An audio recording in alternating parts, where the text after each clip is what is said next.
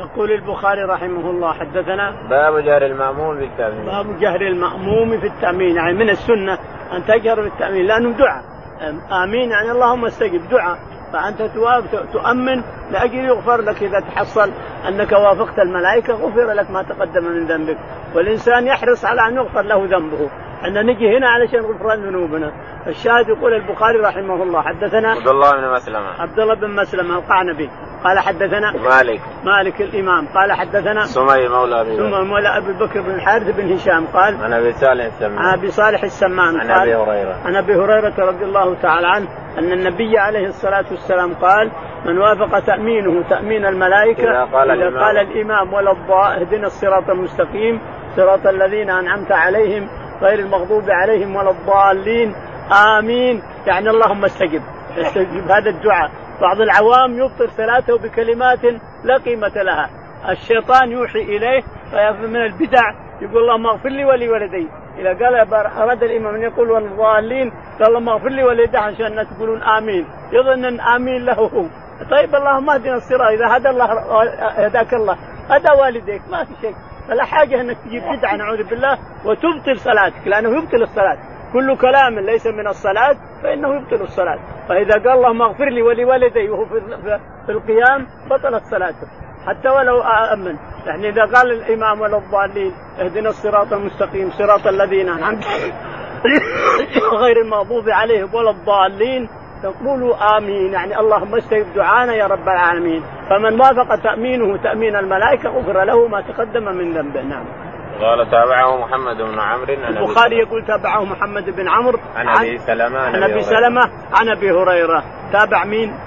تابع سمي مولى أبي بكر. سمي مولى عبد الرحمن أبي بكر بن عبد الرحمن بن الحارث نعم. ونعيم المجمر عن أبي هريرة. وكذلك نعيم المجمر عن أبي هريرة يعني هذا الحديث. باب إذا ركع دون الصف قال رحمه الله دثنا موسى بن إسماعيل قال دثنا همام للاعلم وهو زياد. عن الحسن عن أبي بكر رضي الله عنه أنه انتهى إلى النبي صلى الله عليه وسلم وراكع فركع قبل أن يصل إلى الصف فذكر ذلك للنبي صلى الله عليه وسلم فقال زادك الله حرصا ولا تعد. يقول البخاري رحمه الله باب باب إذا ركع دون الصف باب إذا ركع دون الصف يقول حدثنا موسى بن إسماعيل. موسى بن إسماعيل قال حدثنا همام همام قال حدثنا الاعلم زياد بن حسان الاعلم زياد. قال عن الحسن البصري. عن الحسن البصري. عن أبي بكر. عن أبي بكر رضي الله تعالى عنه أنه دخل في الصف دخل المسجد فوجد الرسول عليه الصلاة والسلام قد كبر للركوع. الله أكبر ركع عليه الصلاة والسلام وركع الناس معه. هذا دخل باب. مع الباب كل الناس كلهم ركوع. الناس الصفوف كلها راكعة. أداف ركع الله أكبر. ومشي وهو راكع. حتى وصل إلى الصف. لما انتهت الصلاة أخبر الرسول عليه الصلاة والسلام بما فعل. قال زادك الله حرصا ولا تعد. هذه رواية. ولا تعدو هذه رواية. ولا تعد. هذه رواية أيضا. ولا تعد معناها أنك مرة ثانية لا تعد لأنها ما تصح صلاتك والثالثة أنك لا تعدو يعني لا تجري. والثالثة لا تعود زادك الله حرصا ولا تعد. لا تعود إلى هذا أو لا تعد أو لا تعدو أو إلى آخره. ثلاث روايات كلها وردت في هذا الحديث عن نفيع بن الحارث أبو بكر رضي الله تعالى عنه. نعم. باب إتمام التكبير في الركوع. قال ابن عباس النبي صلى الله عليه وسلم في مالك بن الحويرث قال رحمه الله دثنا إسحاق الواسطي قال دثنا خالد الجريري عن أبي الالاء عن مطرف عمران بن حسين رضي الله عنه أنه أنه قال سلم علي رضي الله عنه بالبصرة فقال ذكرنا هذا الرجل صلاة كنا نصليها مع رسول الله صلى الله عليه وسلم فذكر أنه كان يكبر كلما رفع وكلما وضع. يقول البخاري رحمه الله باب إتمام التكبير في الركوع باب إتمام التكبير في الركوع والسجود يعني والخفض والرفع كما سيأتي يقول حدثنا قال ابن عباس عن النبي صلى الله عليه وسلم. قال ابن عباس رضي الله عنه عن النبي عليه الصلاة والسلام يعني التكبير في الركوع والسجود والخفض والرفع. قال وفيه مالك بن الحويرث. فيه مالك بن الحويرث أنه صلى مع الرسول عشرين ليلة نعم. قال حدثنا إسحاق بن شاهين يقول حدثنا إسحاق بن شاهين الواسطي. قال حدثنا خالد. خالد بن مهران الحذاء أو الطحان. قال حدثنا الجريري. الجريري سعيد. قال عن أبي العلاء. عن أبي العلاء قال عن مطرف عن عمران بن عن حسين أبي العلاء هذا اسمه يزيد بن عبد الله أخو مطرف ابن الشخير عن أخيه مطرف بن الشخير قال عن عمران بن حسين. عن عمران بن الحصين رضي الله تعالى عنه أنه صلى مع علي رضي الله عنه بالكوفة فقال فلما كبر في الركوع كبر في السجود كبر في النهوض كبر في كذا.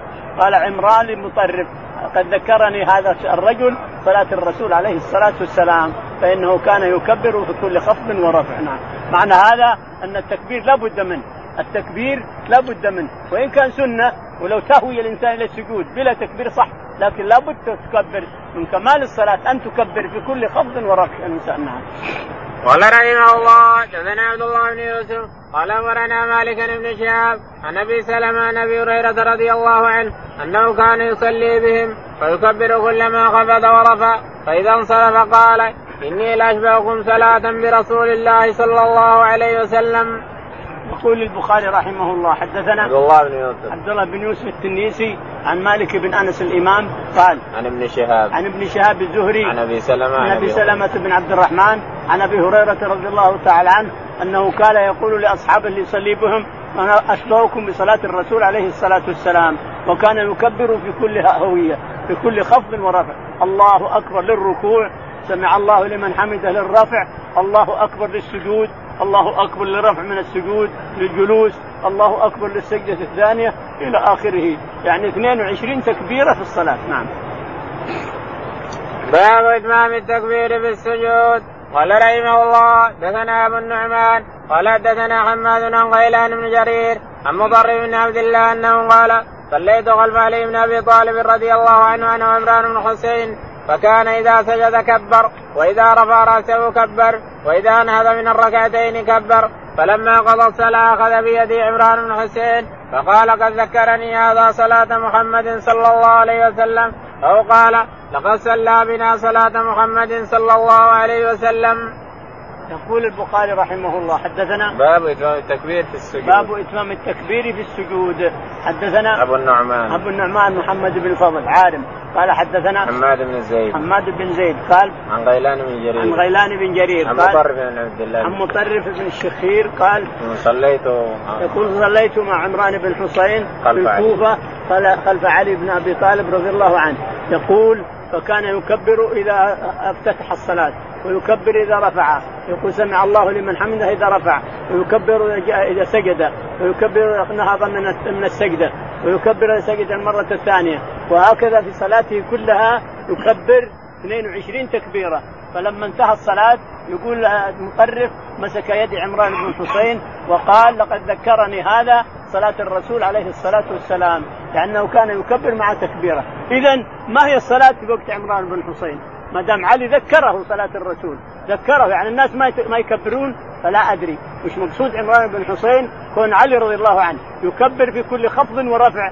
هل الناس يهوون إلى السجود يهوون إلى الركوع بلا تكبير؟ أما الذي حصل لا أدري ما الحكمة في قول عمران بن حسين. لقد ذكرني صلاة الرسول عليه الصلاة والسلام أنه كان في يهوي في كل تكبيرة يكبر في كل خفض ورفع يكبر في الركوع. سمع الله لمن حمده. الله أكبر في السجود الله أكبر النهوض الله أكبر السجود مرة ثانية وهكذا في كل ركعة. قال لقد ذكرني هذا. صلاة الرسول عليه الصلاة والسلام كان يكبر في كل خفض ورفع. إذا فما الذي يفعله الناس اليو- هك الساعة عند عمران بن حسين؟ ما يكبرون يعني يركع ويرفع ويهوي بدون تكبير. ما لا أدري أنا ما وقفت على سر في هذا والله أعلم. نعم.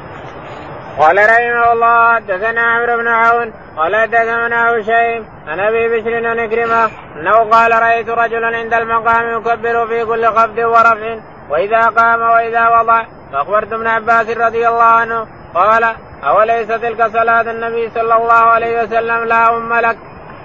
يقول البخاري رحمه الله حدثنا عمرو بن عون. عمرو بن عون قال حدثنا هشيم بن بشر هشيم بن بشير قال عن أبي بشر عن أبي بشر جعفر قال عن عكرمة. عن عكرمة عن قال رأيت رجلا عند المقام يكبر في كل عكرمة يقول رأيت رجلا عند المقام يكبر في كل خفض ورفع. فقلت هذا مجنون. شوف عكرمة أيضا يستنكر التكبير. كونه يكبر يستنكرون التكبير. يعني هل الناس يهوون بلا تكبير؟ يهوي إلى الركوع بلا تكبير؟ يهوي إلى السجود بلا تكبير؟ ما دام عكرمة استنكر هذا أيضا. معناها أن الناس ما كانوا يكبرون كانوا يهوي إلى الرفع والسجود والخفض والرفع بدون تكبير. فلما أتى ابن عباس رضي الله عنه أخبره قال رأيت إنسانا استنكرت ما يفعل قال فكلتك أمك سنة أبي القاسم. يعني التكبير في كل خفض ورفع سنة أبي القاسم عليه الصلاة والسلام. كان يكبر في كل خفض ورفع. فمن ترك السنة ما كملت صلاته نعم باب التكبير إذا قام من السجود. قال رحمه الله حدثنا موسى بن إسماعيل قال أخبرنا همام قتادة عن كرمه قال صليت خلف شيخ بمكة فكبر سنتين وعشرين تكبيرا فقلت لابن, با... لابن عباس إنه احمق فقال ثقلتك أمك سنة أبي القاسم صلى الله عليه وسلم. وقال موسى حدثنا أبان حدثنا قتادة قال حدثنا عكرمه يقول البخاري رحمه الله حدثنا باب التكبير إذا قام من السجود. باب التكبير إذا قام من من السجود. حدثنا موسى بن إسماعيل. موسى بن إسماعيل. قال حدثنا همام همام قال حدثنا حماد.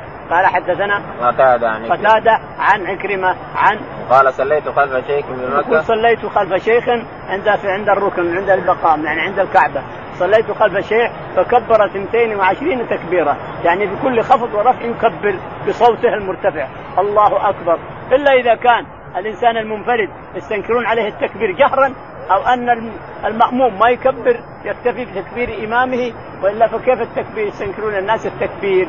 أو أنهم يهوون في الرفع والخفض بدون تكبير. لا أدري هل هذا حصل. يقول عكرمة فأتى ابن عباس رضي الله عنه قلت إنه أحمق هذا الشخص اللي يكبر 22 تكبيره أحمق. فجاء إلى ابن عباس رضي الله عنه قال سنة أبي القاسم لا أم لك تكلتك أمك سنة أبي القاسم.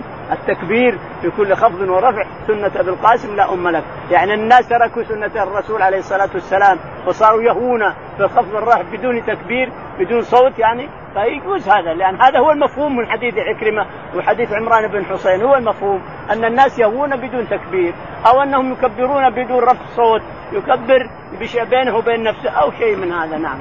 وقال موسى أو إسماعيل قال حدثنا أبان قال ثم قال موسى بن إسماعيل حدثنا أبان قال حدثنا قتادة. قتادة قال حدثنا عكرمة. عكرمة. بمعنى الحديث. بمعنى الحديث الأول أنه استنكر شخصا كبر 22 تكبيره هي تكبيرة الصلاة. صلاة الفريضة صارت أربع هي تكبيرات 22 تكبيرة فأتى إلى ابن عباس يشتكي هذا الرجل يشتكي اللي كبر هذا فقال ثكلتك أمك سنة أبي القاسم. التكبيرات بكل خفض ورفع سنة أبي القاسم ثكلتك أمك نعم. قال رحمه الله دثنا يحيى بن بكير قال دثنا الليث بن قيل عن ابن شهاب قال أخبرني أبو بكر بن عبد الرحمن بن الحارث أنه سمع أبا هريرة رضي الله عنه يقول كان رسول الله صلى الله عليه وسلم إذا قام إلى الصلاة يكبر حين يقوم ثم يكبر حين يركع ثم يقول سمع الله لمن حمده حين يرفع صلبه من الركعة ثم يقول وهو قائم ربنا لك الحمد قال عبد الله ولك الحمد ثم يكبر حين يهوي ثم يكبر حين يرفع رأسه ثم يكبر حين يسجد ثم يكبر حين يرفع رأسه ثم يفعل ذلك في الصلاة كلها حتى يقضيها ويكبر حين يقوم من السنتين بعد الجلوس. يقول أبو يقول البخاري رحمه الله حدثنا يحيى بن بكير. يحيى بن بكير قال حدثنا الليث بن سعد. الليث بن سعد قال عن عقيل بن خالد. عن عقيل بن خالد عن ابن شهاب. عن ابن شهاب الزهري قال قال عن أبي بكر بن عبد الرحمن عن أبي بكر بن عبد الرحمن بن الحارث بن هشام قال عن أبي هريرة. عن أبي هريرة رضي الله تعالى عنه أنه قال نعم. كان رسول الله صلى الله عليه وسلم إذا قام إلى الصلاة يكبر حين يقوم. يقول يصف صلاة الرسول عليه الصلاة والسلام كان الرسول عليه الصلاة والسلام إذا قام إلى الصلاة قال الله أكبر. هذا افتتاح الصلاة. ثم إذا أراد أن يركع الله أكبر. ثم إذا رفع سمع الله لمن حمده. ربنا لك الحمد. أو يقول اللهم ربنا ولك الحمد. إذا جاب اللهم يقول اللهم ربنا لك الحمد بلا واو. وإن ما جاب اللهم يقول ربنا ولك الحمد. تأتي بالواو. قال ربنا ولك الحمد. ثم إذا هو إلى السجود كبر. ثم إذا رفع من السجود كبر. ثم إذا هو إلى السجود مره ثانية كبر. ثم يفعل هذا في كل الصلوات عليه الصلاة والسلام. 22 تكبيرة. نعم. قال رحمه الله باب الكف على الركب في الركوع. وقال أبو حميد في أصحابه امكن النبي صلى الله عليه وسلم يديه من ركبتيه. قال رحمه الله دثنا أبو الوليد. قال دثنا شعبان أبي يعفور. قال سمعت اسامه السعدي يقول صليت إلى جنب أبي فطبقته بين كفي ثم وضعت ما بين فخذي فنهاني به وقال كنا نفعله فنهينا عنه وأمرنا أن نضع أيدينا على الركب. يقول البخاري رحمه الله باب وضع الكف على الركب وضع الكف على الركب لأنها تسندك يا الإنسان. تجعل ظهرك إذا أردت أن تجعل ظهرك مستقيم هكذا لازم تحط يديك على ركبك وأنت راكع وتستند تعتمد على ركبك. يديك تعتمد على الركب لأجل تستطيع تسند ظهرك خلي ظهرك مستوي. أما إذا ما وضعت ما تستطيع. تسند ظهرك تجعل رأسك مثل ظهرك ما تستطيع. لكن إذا اعتمدت بيديك على ركبك وأنت راكع استطعت أن تسوي ظهرك ورأسك سواء كما كان عليه الصلاة والسلام. يقول البخاري حدثنا أبو الوليد. أبو الوليد. قال حدثنا شعبة. شعبة. قال حدثنا أبو يعفور. أبو يعفور الكبير اسمه وقدان. قال حدثنا مصعب بن سعد. مصعب بن سعد. عن أبي سعد. عن أبي سعد بن أبي وقاص. قال قال يقول مصعب طبقت بين كفي ثم وضعتهما بين فخذي يقول مصعب جعلت يدي لما ركع جعل يديه بين ركبتيه فقال له سعد لا يا ابني لا يا ابني ما هو كذا. اجعل يديك على ركبتيك استند عليهما لاجل تستطيع تسوي ظهرك. أما بين ركبك فلا لأنه يصير عبث تلاعب. نعم. ابن مسعود روى هذا لكن يقول نهينا عنه. قال وكنا نفعله فنهينا عنه وأمرنا أن يقول سعد كنا نفعله نجعل يدينا بين الركبين لكن نهينا عنه. وأمرنا أن نجعل اليدين على الركبتين متمكنة من الركبتين وأنت راكع. نعم. باب إذا لم يتم الركوع. قال رحمه الله دثنا حفص بن عمر قال دثنا شعبان سليمان قال سمعت زيد بن وهب قال راى حذيفة رضي الله عنه رجلا لا يتم الركوع والسجود. قال ما سليت ولو مت مت على غير الفطرة التي فطر الله محمدا صلى الله عليه وسلم. يقول البخاري رحمه الله باب إذا لم يتم الركوع. إذا لم يتم الركوع فلا صلاة له لا شك في هذا. إذا ما تمت الركوع والسجود الإنسان ولا اطمأنيت في الصلاة لأن الطمأنينة في كل ركن وفي كل واجب هذه ركن. الطمأنينة ركن من أركان الصلاة. لازم تطمئن الإنسان. فإذا ما اطمأنيت ما أديت الركن. وإذا انهدم ركن من أركان الصلاة أو أركان العبادة بطلت العبادة اللي تفعلها. يقول البخاري حدثنا حفص بن عمر. حفص بن عمر بن غياث قال حدثنا شعبة. شعبة قال حدثنا لا بد أبي. لا حفص عن عن يروي عن شعبة؟ نعم مباشرة. حفص بن عمر بن غياث. قال حدثنا شعبة. قال حدثنا سليمان. سليمان. قال قال حدثنا زيد بن وهب. زيد بن وهب. قال قال رأى حذيفة رجلا لا يتم الركوع والسجود. يقول رأى حذيفة رضي الله عنه رجلا لا يتم الركوع والسجود. فلما سلم قال يا أخي ليست هذه صلاة. لو مت على صلاتك هذه مت على غير الفطره يعني غير الإسلام. مت على غير الإسلام. لأنه لازم من الطمأنينة في الركوع الطمأنينة في الرفع الطمأنينة في السجود في الرفع من السجود. لابد لأن الطمأنينة هي السادس من أركان الصلاة.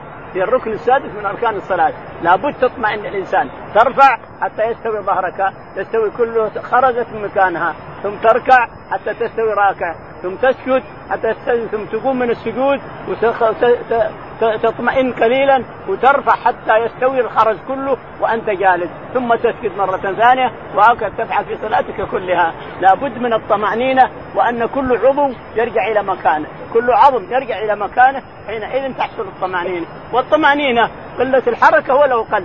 عدم الحركة وقلة الحركة ولو قل. الطمأنينة هي قلة الحركة ان لا تتحرك. تسكت ولا تتحرك. تسبح وتهلل ثم ترفع. كفى خلاص كفى. سميت الطمأنينة نعم.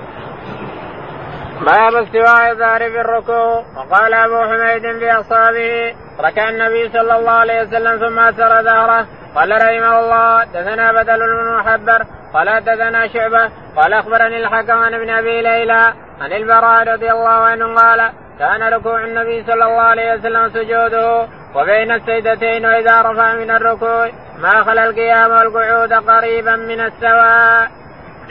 يقول البخاري رحمه الله حدثنا باب استواء الظهر في الركوع. باب استواء الظهر في الركوع. يعني إذا ركع لازم الظهر يستوي مع رأسك الإنسان ولا يمكن يستوي حتى تعتمد على ركبتيك على يديك بركبتيك يقول حدثنا بدل بن المحبر بدل بن المحبر قال حدثنا شعبة. شعبة. قال حدثنا الحكم بن عتيبة. الحكم بن عتيبة قال عن ابن أبي ليلى. عن ابن أبي ليلى الكبير عبد الرحمن الوالد الكبير أدرك 120 من الصحابة. عبد الرحمن بن أبي ليلى عن البراء بن عازب قال كان ركوع النبي صلى الله عليه وسلم والسجود هو بين السجدتين وإذا رفع من الركوع ما يقول البراء يصف صلاة الرسول عليه الصلاة والسلام. كان ركوع عليه الصلاة والسلام. وسجوده وخفضه ورفعه على السواء ما عدا ما خلا القيام والقعود. ما خلا القيام والقعود فالقيام يطوله. القيام يطوله والجلوس إذا أراد أن يسلم يطوله أيضا.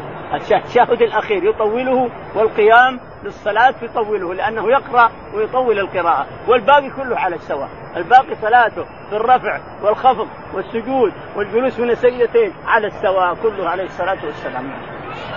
قال رحمه الله دثنا مسدد قال أخبرني يحيى بن سعيد عن عبيد الله قال حدثنا سعيد المقبري عن أبيه عن أبي هريرة رضي الله عنه أن النبي صلى الله عليه وسلم دخل المسجد فدخل رجل فصلى ثم جاء فسلم على النبي صلى الله عليه وسلم فرد النبي صلى الله عليه وسلم السلام فقال ارجع فصل فإنك لم تصل فصلى ثم جاء فسلم على النبي صلى الله عليه وسلم فقال ارجع فصل فإنك لم تصل ثلاثا فقال والذي بعثك بالحق ما أحسن غيره فعلمني قال إذا قمت إلى الصلاة فكبر ثم اقرأ ما تيسر معك من القرآن ثم اركع حتى تطمئن راكعا ثم ارفع حتى تعتدل قائما ثم اسجد حتى تطمئن ساجدا ثم ارفع حتى تطمئن جالسا ثم اسجد حتى تطمئن ساجدا ثم افعل ذلك في صلاتك كلها.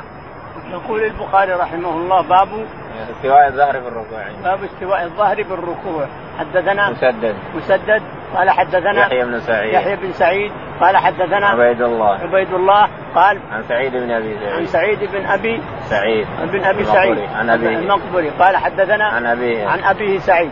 قال عن أبي هريرة. عن أبي هريرة رضي الله تعالى عنه أن النبي عليه الصلاة والسلام رأى رجلا يصلي فجاء وسلم الرجل السلام عليك بعدما صلى. قال ارجع فصل فإنك لم تصلي. ثم رجع وصلى. صلاته له يعرف. وصلاها وجاء. السلام عليكم. قال عليكم السلام. ارجع فصل فإنك لم تصلي. رجع وصلى صلاته له يعرف. ثم رجع رجع إلى النبي. السلام عليكم. قال عليكم السلام. ارجع فصل ثلاث مرات.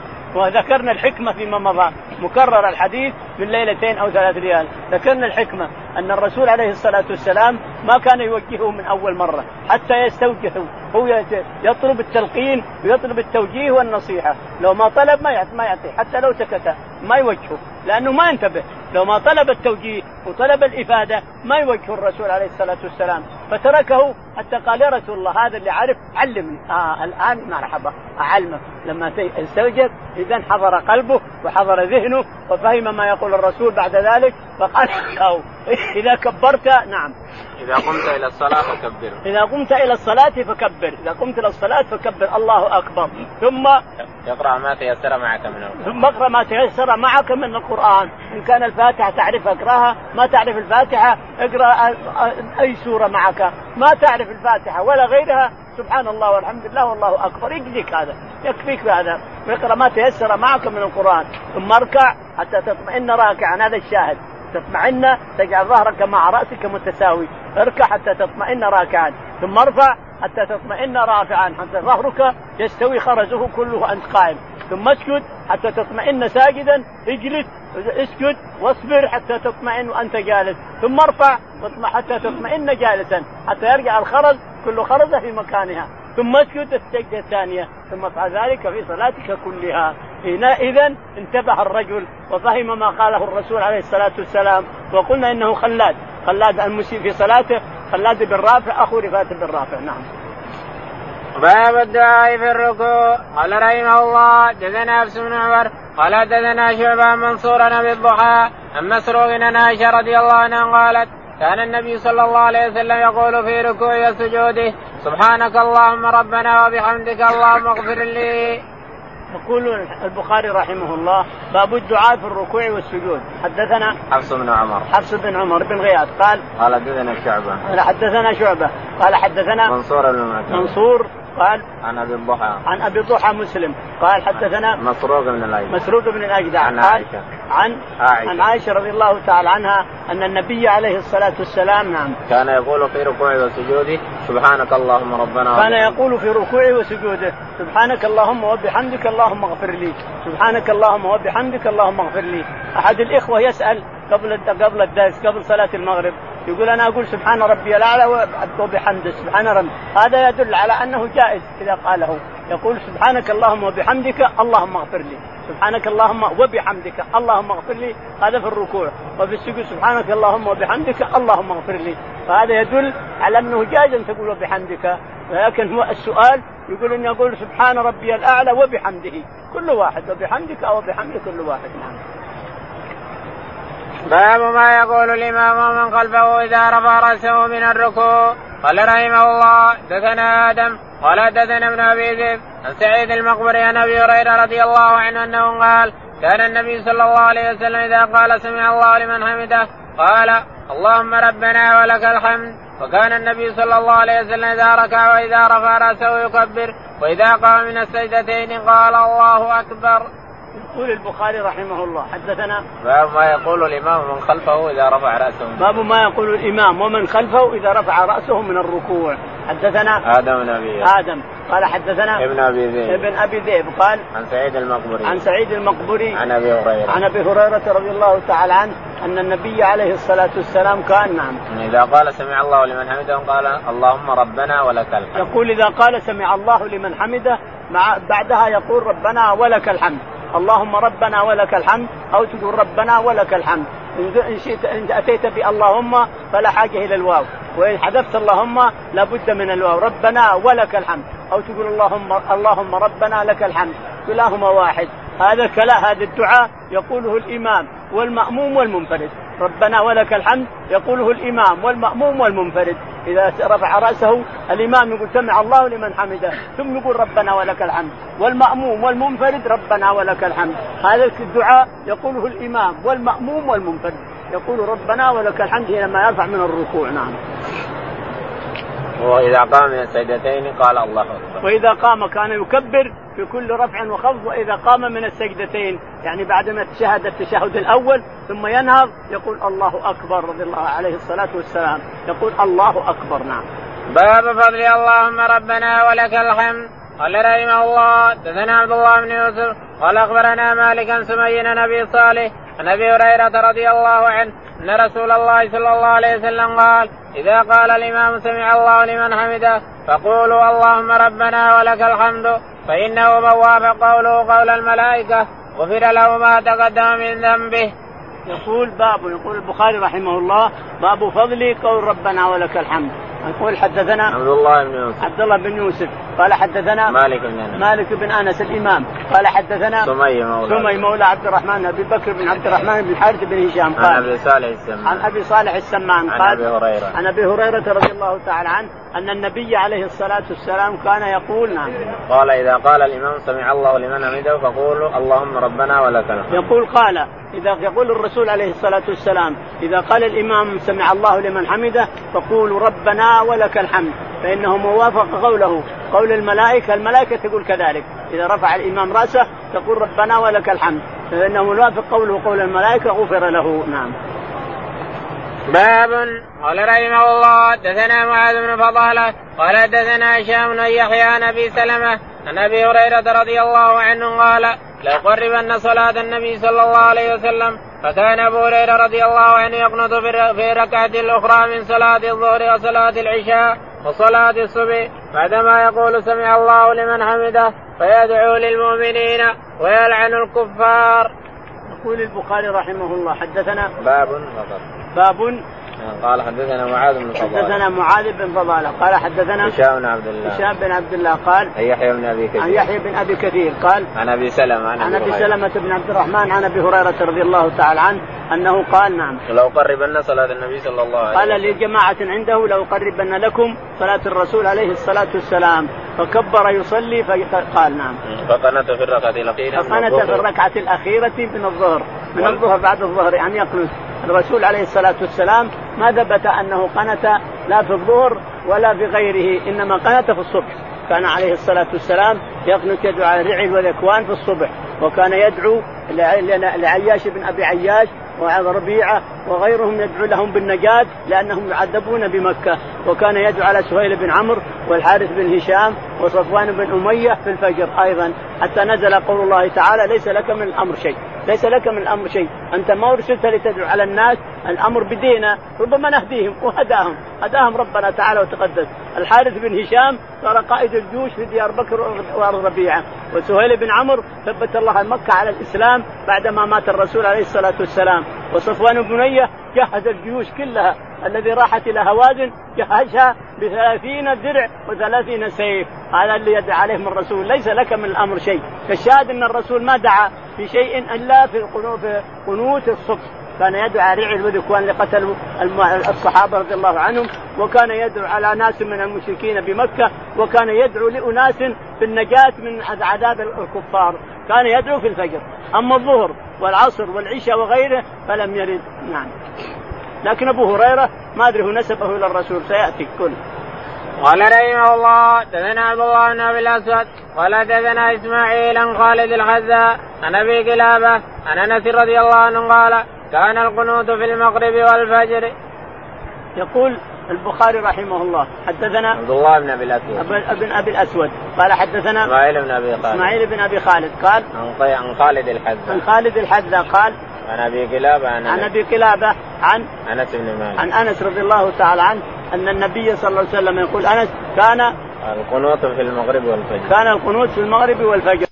كنا يوما نصلي وراء النبي صلى الله عليه وسلم فلما رفع رأسه من الركعة قال سمع الله لمن حمده قال رجل وراءه ربنا ولك الحمد حمدا كثيرا طيبا مباركا فيه. فلما انصرف قال من المتكلم؟ قال أنا. قال رأيت بضعة وثلاثين ملكا يبتدرونها أيهم يكتبها أول؟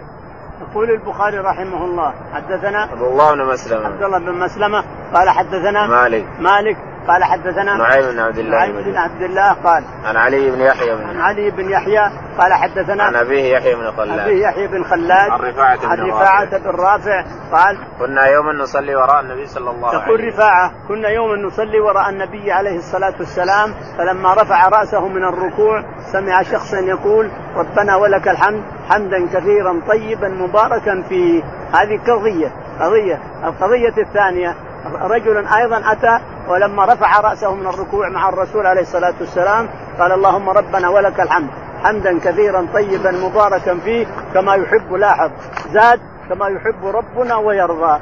كلاهما قال الرسول عليه الصلاة والسلام لقد رأيت بضعا وثلاثين ملكا يبتدر أيهما يكتبها أول لأنها كلمة جديدة على الملائكة. كلمة جديدة أتى بها مسلم فتبادرها بضع ثلاثين أيهم يكتبها أول أيهم اللي يحظى بكتابة هذه الكلام؟ يقول البخاري كرم السند. نعم. تقول فلما رفع رأسه قال ربنا ولك الحمد حمدا كثيرا طيبا مباركا فيه. فلما سلم عليه الصلاة والسلام قال من المتكلم؟ قال أنا يا رسول الله. قال رأيت بضعا بضعا من التسعه إلى إلى السبعه إلى الخمسة إلى الثلاثة. بضعا وثلاثين ملكا يبتدرونها أيهم يكتبها أول؟ يعني لأنها جديدة ابتدت من مسلم فأيهم اللي يكتبها أول؟ يحظى بكتابتها أول. نعم. باب الاطمئنان باب الاطمئنان فيه حين يرفع رأسه من الركوع. وقال أبو حميد رضي الله عنه رفع النبي صلى الله عليه وسلم واستوى جالسا حتى يعود. كل فقار مكانه. قال رحمه الله دثنا أبو الوليد قال دثنا شعبان ثابت قال كان أنس رضي الله عنه ينعت لنا صلاة النبي صلى الله عليه وسلم فكان يصلي وإذا رفع رأسه من الركوع قام حتى نقول قد نسي. يقول البخاري رحمه الله باب الطمأنينة حين يرفع رأسه من الركوع. باب, باب الطمأنينة حين يرفع رأسه من الركوع. يعني إذا قال الله أكبر وركع ثم رفع رأسه من الركوع يقف عليه الصلاة والسلام حتى يرجع كل عضو إلى مكانه. ترجع كل خرزة من ظهره إلى مكانها. هذه الطمأنينة. الطمأنينة القل عن الحركة السكون عن الحركة وإن قل. معناها أنك بس تخلي ظهرك يستوي سواء كنت جالس ساجدا ثم رفعته أو راكعا ثم رفعته. كل عضو خليه يجلس مكانه. هذه الطمأنينة. السكون عن الحركة ولو قل. يقول رحمه الله حدث وقال أبو حميد السائد لما النبي صلى الله عليه وسلم واستوى جالسا حتى يعود كل فقار يقول أبو حميد الساعدي رضي الله تعالى عنه وقد صلى بعشرة من الصحابة. قال أريكم صلاة الرسول؟ قالوا كلنا نعرفها. قال أنا أريد أن أسلمكم. قالوا صل فصلى بعشرة من الصحابة فقال فكان ينعت صلاة الرسول عليه الصلاة والسلام وأنه يكبر بكل خفض ورعد ثم قال هنا يقول أبو حميد قال قال أبو حميد رفع النبي صلى الله عليه وسلم واستوى جالسا حتى يعود كل فقار إذا سجد عليه الصلاة والسلام رفع رأسه من السجود وجلس يستوي يطمئن حتى يرجع كل خرزة إلى مكانها. كل عضو يرجع إلى مكانه ثم يسجد السجدة الثانية إلى آخره. معنى هذا لابد من الطمأنينة لأنها ركن من أركان الصلاة. ركن اللي ما يؤدي هذا الركن تبطل صلاته. اللي ينقر كنقر الغراب ما له صلاة. اللي ينقر الصلاة كنقر الغراب ليس له صلاة نعم. قال حدثنا أبو الوليد. يقول حدثنا أبو الوليد قال حدثنا شعبة. شعبة. قال حدثنا ثابت البناني. ثابت البناني قال كان أنس ينعت لنا صلاة النبي صلى الله عليه وسلم فكان يصلي وإذا رفع رأسه من الركوع قام حتى نقول قد يقول آه يقول ثابت إن أنس رضي الله عنه كان ينعت لنا صلاة الرسول عليه الصلاة والسلام يعني يصلي لهم صلاة الرسول. فإذا ركع رفع من الركوع قال بقي قائم حتى يستوي ظهره. يقول حتى نقول يمكن نسي هذا. يمكن نسي. رفع أنه سمع الله لمن حمده. ربنا ولك الحمد. ثم يبقى كما هو واقف. يقول حتى ان نريد أن نسبح له. نحسبه نسي. لكن ما نسي. يقول هكذا لما انتهى قال هكذا صلاة الرسول عليه السلام. نعم. قال رحمه الله دثنا أبو الوليد ولا دثنا شعبان الحكم عن ابن أبي ليلى عن البراء رضي الله عنه قال كان ركوع النبي صلى الله عليه وسلم وسجوده وإذا رفع رأسه من الركوع بين سجدتين قريبا من السواء. يقول البخاري رحمه الله حدثنا أبو الوليد. أبو الوليد. قال حدثنا شعبة. شعبة. قال قال حدثنا الحكم الحكم بن عتيبة عن ابن أبي ليلى. عن ابن أبي ليلى عبد الرحمن. عن البراء عن, عن البراء بن عازب أنه وصف صلاة الرسول عليه الصلاة والسلام فيقول كان عليه الصلاة والسلام. كان ركوع النبي صلى الله عليه وسلم وسجوده وإذا رفع رأسه من الركوع بين كان الركوع عليه الصلاة والسلام وسجوده وإذا رفع رأسه من السجود على السواء كله سواء. يعني يسبح إلى سبع تسبيحات إلى تسع تسبيحات لكن على السواء. سجود ركوعه ورفعه من الركوع وسجوده وجلوسه بين سجدتين كله على السواء يعني صلاته عليه الصلاة والسلام متساوية نعم.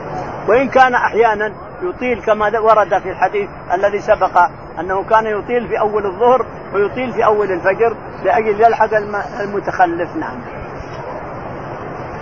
قال رحمه الله دثنا سليمان بن حرب قال دثنا حماد بن زيد عن أيوب عن أبي قلابة قال كان مالك بن الحويرث رضي الله عنه يرينا كيف كان صلاة النبي صلى الله عليه وسلم وذاك في غير وقت صلاة فقام فأمكن القيام ثم ركع فأمكن الركوع ثم رفع رأسه فأنصب هنيه قال فصلى بنا صلاة شيخنا هذا أبي بريدة وكان أبو بريد إذا رفع رأسه من السجدة الأخيرة استوى قاعدا ثم نهض. يقول البخاري رحمه الله حدثنا سليمان بن حرب. سليمان بن حرب. قال حدثنا حماد بن زيد. حماد بن زيد. قال عن أيوب. عن أيوب السختياني. قال عن أبي قلابه عن أبي قلابه عن مالك بن عن مالك بن الحويرث رضي الله عنه أنه كان يصلي لهم صلاة الرسول عليه الصلاة والسلام نعم. وذلك في غير وقت صلاة وذلك في يصلي لقومه في صلاة في غير وقت الصلاة يريهم صلاة الرسول عليه الصلاة والسلام. فكان يقول نعم. قال فقام فأمكن القيام ثم ركع فأمكن فقام فأمكن القيام يعني اطمأن في القيام ثم ركع فاطمأن في الركوع ثم رفع فاطمأن في الرفع ثم سجد فاطمأن في السجود ثم جلس فاطمأن في الجلوس ثم سجد الثانية فاطمأن في السجود وهكذا كان يفعل في الصلاة كلها. جميع الصلوات هكذا كان يفعل. مالك بن حوير رضي الله عنه. إلا إنه قال إذا رفع من الركعة الأولى رفع من الركعة من السجدة الأولى من الركعة الأولى. جلس بين السجدتين. هذا كان عليه الصلاة والسلام يفعلها لما كبر وسخن كان يستريح يجلس جلسة الاستراحة. فمالك بن الحويرث روى هذه وكان يفعلها ويأمر بها قومه. لكن المهاجرون والأنصار هل فعلوها؟ تقول لا. إحنا ما نفعلها. نحن تبع الصحابة رضي الله عنهم من المهاجرين والأنصار. هل كانوا يفعلونها؟ ما يفعل لكن لو نرى شخصا يفعلها ما أنكرنا عليه. لأن معه دليل.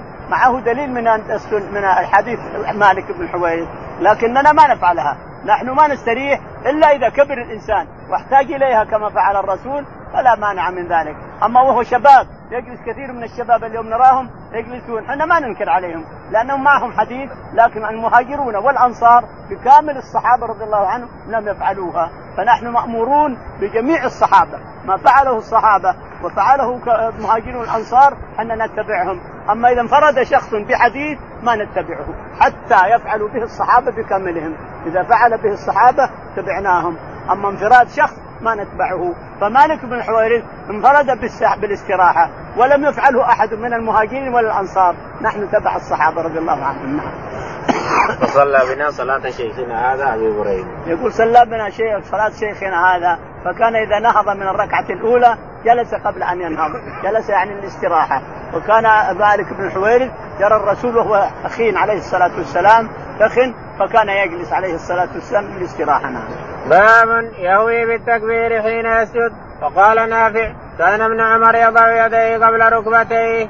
قال رحمه الله دثنا أبو اليمان. قال حدثنا شعيب بن الزهري. قال أخبرني أبو بكر بن عبد الرحمن بن الحارث بن هشام وأبو سلمة بن عبد الرحمن أن أبا هريرة رضي الله عنه كان يكبر في كل صلاة من المكتوبة وغيرها في رمضان وغيره فيكبر حين يقوم ثم يكبر حين يركع. ثم يقول سمع الله لمن حمده ثم يقول ربنا ولك الحمد قبل أن يسجد ثم يقول الله أكبر حين يهوي ساجدا ثم يكبر حين يرفع رأسه من السجود ثم يكبر حين يسجد ثم يكبر حين يرفع رأسه من السجود ثم يكبر حين يقوم من الجلوس في الاثنتين ويفعل ذلك في كل ركعة حتى يبرغ من الصلاة ثم يقول حين ينصرف والذي نفسي بيده إني لأقربهم شبها بصلاة رسول الله صلى الله عليه وسلم.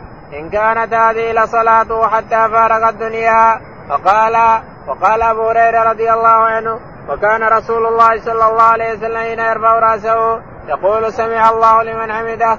ربنا ولك الحمد. يدعو لرجال فيسميهم بأسمائهم. فيقول اللهم أجل الوليد بن الوليد وسلمة بن هشام وعياش بن أبي ربيعة والمستضعفين من المؤمنين. اللهم اشدد وطأتك على مضر واجعلها عليهم سنين كسن يوسف. وأهل المشرق يومئذ من مضر مخالفون له.